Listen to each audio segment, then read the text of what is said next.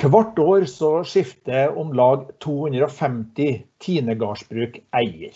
Hoveddelen av eierskifta skjer mellom familiemedlemmer, men noen ganger så selges også gården ut av familien. I dagens podkast fra Tine så skal vi snakke nettopp om dette med eierskifte. Navnet mitt er Øystein Syrstad. Velkommen til en ny podkast fra Tine.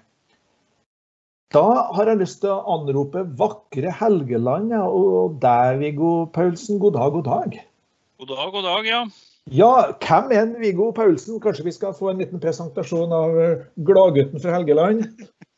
Ja, nei, Viggo Paulsen han er ansatt som fagrådgiver på økonomi i Tine rådgivning. Eh, med hovedsak på eh, eierskifte og driftsplanlegging, budsjett Mm. Um, han har drevet et melkeproduksjonsbruk fram til 2014, så jeg kjenner jo litt på kroppen hvordan det er å drive på med melk, for å si det sånn.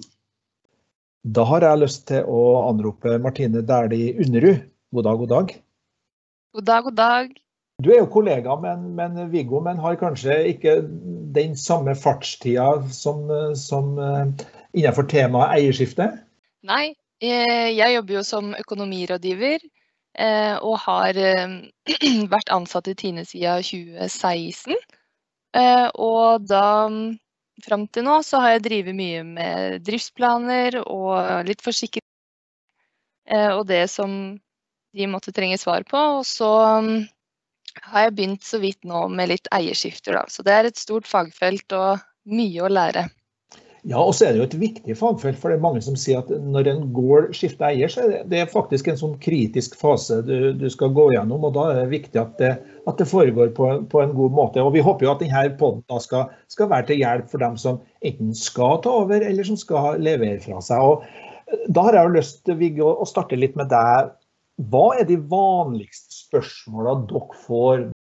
Altså, når de tar en henvendelse til oss, så er det jo ofte sånn at de sier de aner ikke hvor de skal begynne hen. Eh, det er jo som Martine sier, et veldig stort fagfelt. og det, det er veldig sånn usikkert, eh, egentlig. De ser for seg veldig kompliserte situasjoner fremover. Og det er mye juss og det er mye økonomi og det er mye følelser. og Det, det er et sånn sammensatt tema. sånn at derfor så så er de litt sånn eh, på søken etter ja, rett og slett eh, hvor de skal begynne hen. Eh, så er det jo noen som har gått noen eierskiftekurs som har litt peiling, men allikevel så har de ikke fått med seg alt som er, er viktig å tenke på. Så derfor så er det litt sånn variert hva, hva vi får spørsmål om. Men men eh, det kan jo være f.eks.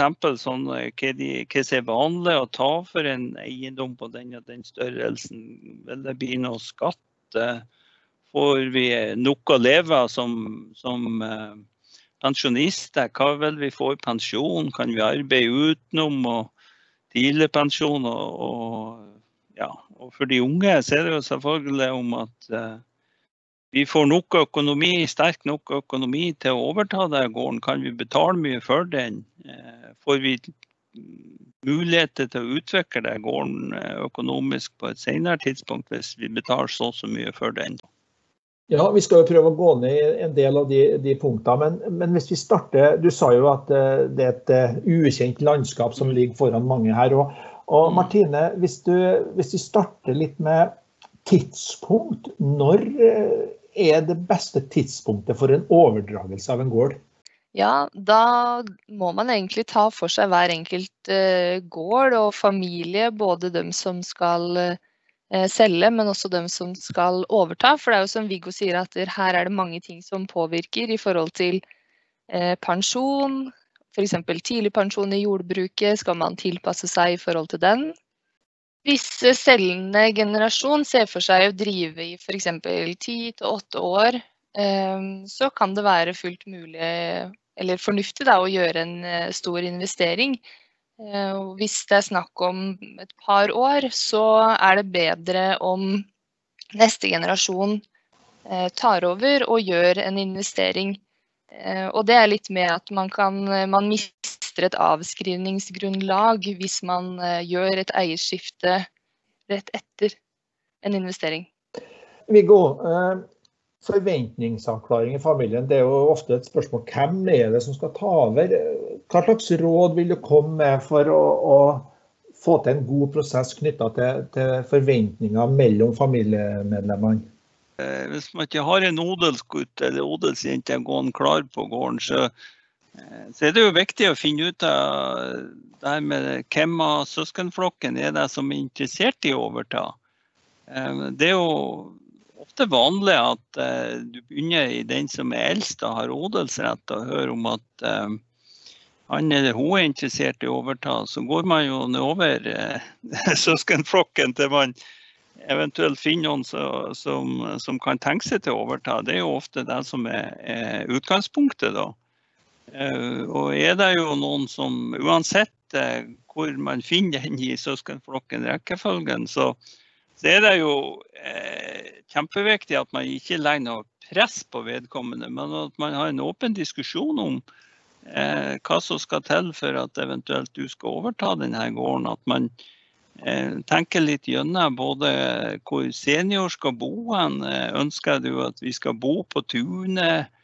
Eh, også det her med investeringer. At man kanskje lar den unge brukeren overta, eller den som overtar, at det er den som foretar investeringer. Det, det er ikke bare økonomien som spiller inn her, men det er òg litt det her at ungdommen føler at det er hans eller hennes prosjekt. Eh, at det, de får bygge fjøsen sånn som de ønsker den. Og, eh, så det er jo litt av det her å skape litt trygge rammer for den unge, at han føler at det er hans eller hennes prosjekt. Og så er det jo viktig at den som overtar, har både utdanning som det er ganske komplisert å overta et stort melkeproduksjonsbruk i dag. Du skal kan alt om dyrestell, du skal kan mye økonomi, du skal kan litt om eh, maskiner redskaper. Og, så er, den som blir, eh, ønsker å overta, bør ta seg ordentlig fagutdanning. og sånn. Ja, Hvis jeg forstår deg riktig nå, da, Viggo, så er det også å ta de her forventningsavklaringene i, i, god tid, det vil kanskje si mange år før det mm. faktisk skal foregå et eierskifte. Uh, Oppfatter jeg deg rett da? Ja, det, du får ofte de beste eierskiftene eh, når det er langsiktig planlegging. Eh, blir det for brått på og du har grunnlaget, verken økonomi eller fagutdanninger som skal til, så, så blir det litt ofte tøft for den unge. Har man muligheter til det, så bruk ei god tid på det. Ofte fem, fem år, vil jeg si. Minst. Ja, Det var interessante betraktninger. og Hvis vi ser på strukturen i norsk landbruk, så er det jo familiebruket som er veldig typisk. og, og Da er det jo at det er mange interessenter, som dere har vært inne på. Det, det er jo hele søskenflokken. og jeg tenker på Hvordan skal man ivareta dem da som, som ikke overtar gården? Jeg tror det viktigste eh, når det gjelder å ivareta de andre søsknene, det er jo å være åpen om den prosessen som foregår på gården hjemme. Eh, at alle er involvert eh, så tidlig som mulig, med både når det gjelder betingelser for overtakelse av gården, derunder òg økonomi. Nå er det jo sånn at ofte i sånn familieoverdragelse så blir det aldri solgt til full pris. Da, for det, foreldrene ønsker jo at eh, en av ungene skal overta. sånn at det vil jo ofte være en, en del av den verdien som blir eh, gave, eller kan jo òg være f.eks. For forskudd på arv. Og, så det er jo, De andre søsknene blir jo svært sjelden tilgodesett med de samme beløpene i, i, gave som den som overtar gården, men, men samtidig så er det ikke sammenlignbart Eh, de verdiene som eh, ligger i egenkapital på gården eh, som om det var i kontanter. Altså vi bruker å si at det er to forskjellige valutaer. Um, sånn at Den egenkapitalen som er i gården, den er for så vidt ikke omsettbar for de fleste bruk i Norge. Hoveddelen av gårdsbrukene, melkeproduksjonsbrukene i Norge i dag, er du mer eller mindre avhengig av at du får overført en del egenkapital fra foreldregenerasjonen for at du skal ha mulighet til å foreta fremtidige investeringer. Ut ifra de erfaringene som jeg har, så, så, har jeg jo vært med på mange møter eh, i litt sånn i forkant av eierskiftet. Det var bestemt hvem av, av søsknene som skulle overta, men samtidig så var alle søsknene med på møtene i forkant. Og da har jeg opplevd mange ganger at de andre søsknene ofte blir veldig misfornøyd når vi Eh, sier at uh, det er kanskje en gave på både 3 og 4 millioner i forbindelse med en sånn overtakelse. Men så er det jo, når du da prøver å få i gang en sånn diskusjon rundt det, hva det faktisk dreier seg om, det her at uh, foreldrene ønsker at det skal være unge folk på bruket, at de skal liksom se at livsverket deres blir videreført, og, og uh, kanskje at uh, de ser nøtten i at eh, bygningen blir holdt ved like og ikke ramler nedover hodet på dem. Og de ser barnebarn på tunet og alt det her. Det har egentlig en ganske stor verdi for foreldregenerasjonen. Å prøve å formidle det til de andre søsknene er kjempeviktig. Og da har jeg jo sett mange tilfeller der at etter en sånn diskusjon, så er egentlig alle enige. Og så er det jo noen foreldre eller den, av den selgende generasjon som tror at de sparer seg for noe av den eh, praten og den diskusjonen der ved at man f.eks. Uh, unngår å ta takst. At de tror at ved å ikke ta en takst, så, så, kan vi bare sette en verdi som er nærmere den prisen, f.eks. Uh, og der um, må jeg jo si at uh, da, da, har man jo gjerne ikke tenkt hele den rekka eh, helt fram. Fordi veldig ofte så når man tar en takst, så, så syns man at eh, prisen blir Eller den verdien som kommer fram på taksten, at den er eh, skremmende stor. Og det er jo klart at når du gården for 25-30 år siden, så så har det skjedd noe i mellomtida, og de prisene som står der, de er gjerne store og føles litt avskrekkende. Men samtidig så må man jo se på det at da har du sluppet å satt verdien på gården sjøl. For det, det, er jo i hvert fall en diskusjon som er vanskeligere å dra i land i forhold til søsken og forståelse av gave og alt sånt. Så du anbefaler sterkt det å ta en, en, en takst, da? Ja, det, det, gjør det enklere for eh, alle parter.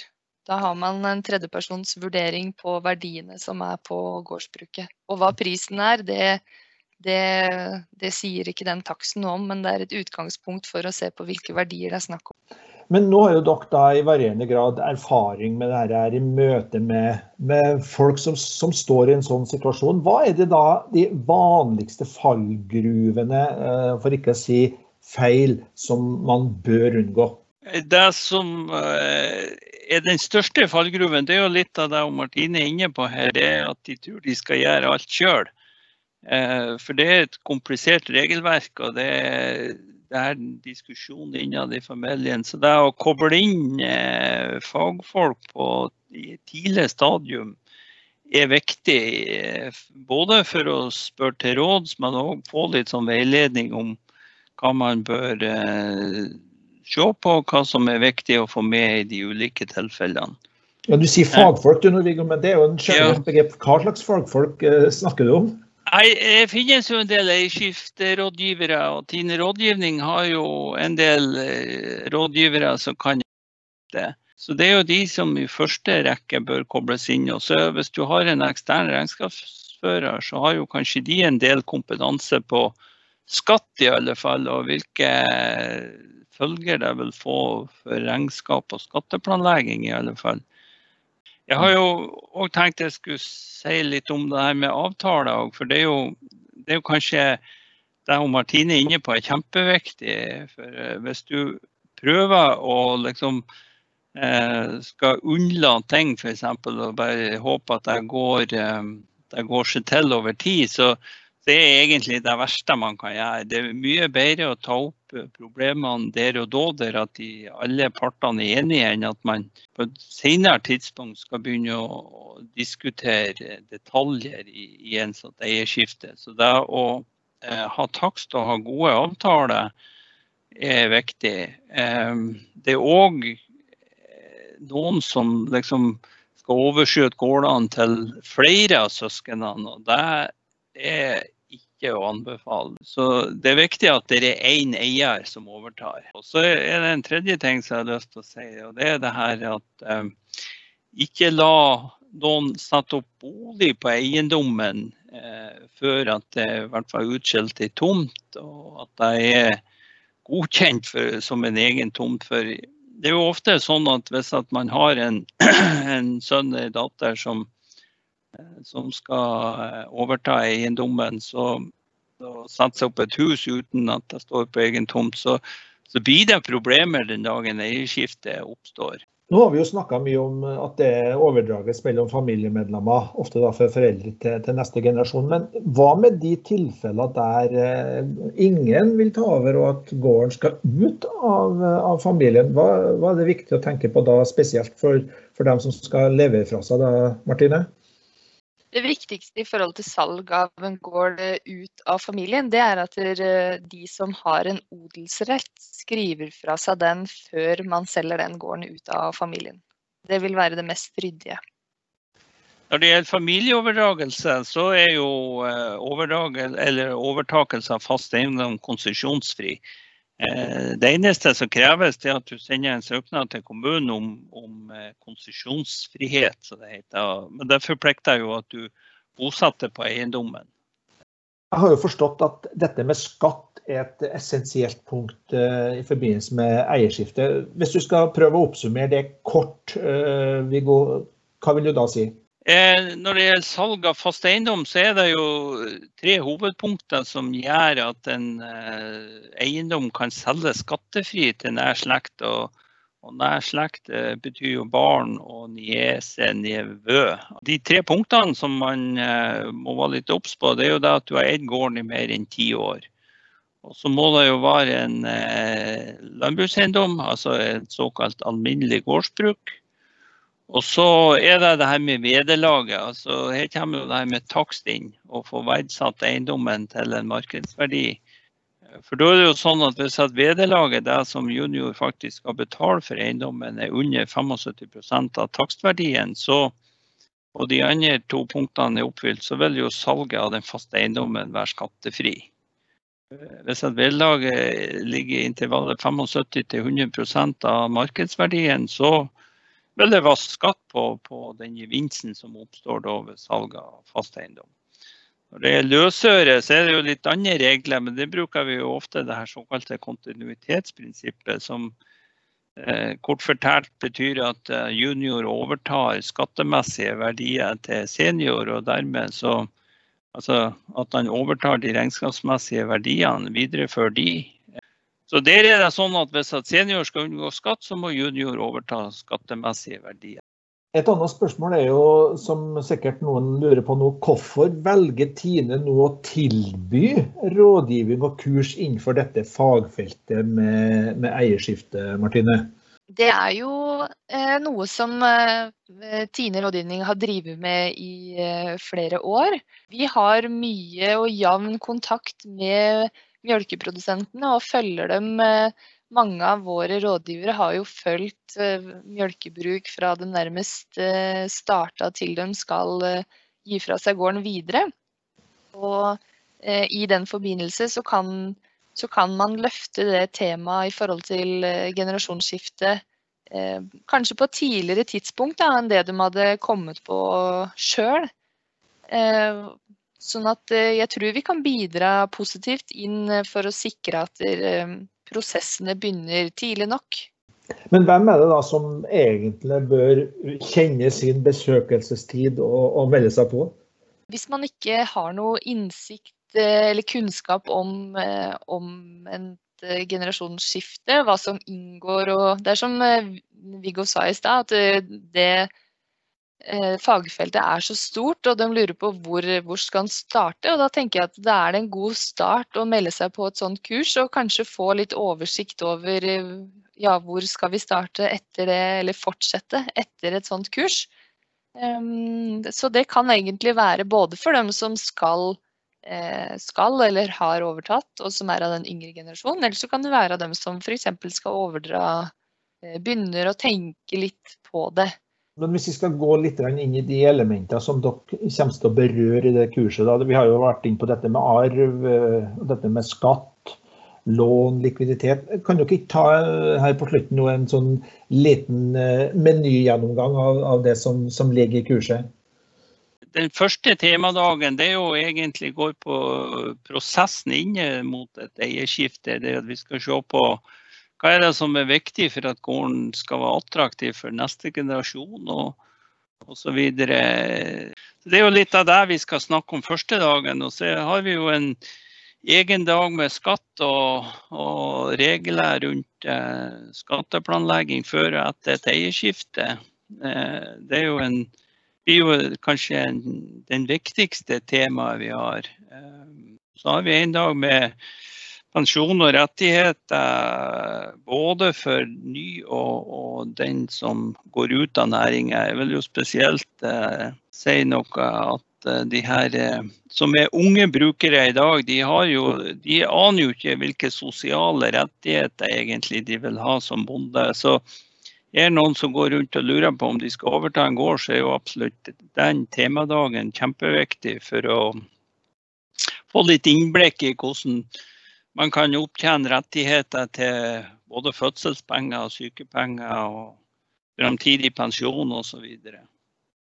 Og så har jo Martine en, en, egen dag. Hun har en egen dag, så hun kan jo fortelle sjøl om hva hun skal prate om den dagen. ja, eh, den er valgfri, for det er jo ikke alle som den er aktuell for. Men den omhandler salg av gården ut av familien. Eh, så da vil det være temaer som eh, er viktig å tenke på og være klar over før man går i gang med det. Det er med andre ord et, et stort landskap og det er mye, mye spennende tema som, som, blir berørt når eierskiftet står på, på agendaen. Det er i hvert fall én ting som jeg har fått med meg etter å ha hørt på, på dere to denne stunden. Det er at det å forebygge mulige framtidige konflikter, det er viktig. Og eierskiftet handler i stor grad om å forebygge ting som som man kan unngå, og det er en viktig, viktig lærdom. Ikke bare ved eierskiftet, men faktisk i livet som sådan. Eh, da har jeg lyst til å takke dere for, eh, for innsikt og, og, lærdom i forhold til et, til et spennende tema. Da sier jeg takk til Viggo Paulsen og Martine Dæhlie Underrud, som begge er økonomirådgivere i Tine. Og så er oppfordringa klar. Begynn å snakke om eierskifte i god tid, gjerne mange år før det blir en realitet. Thank you.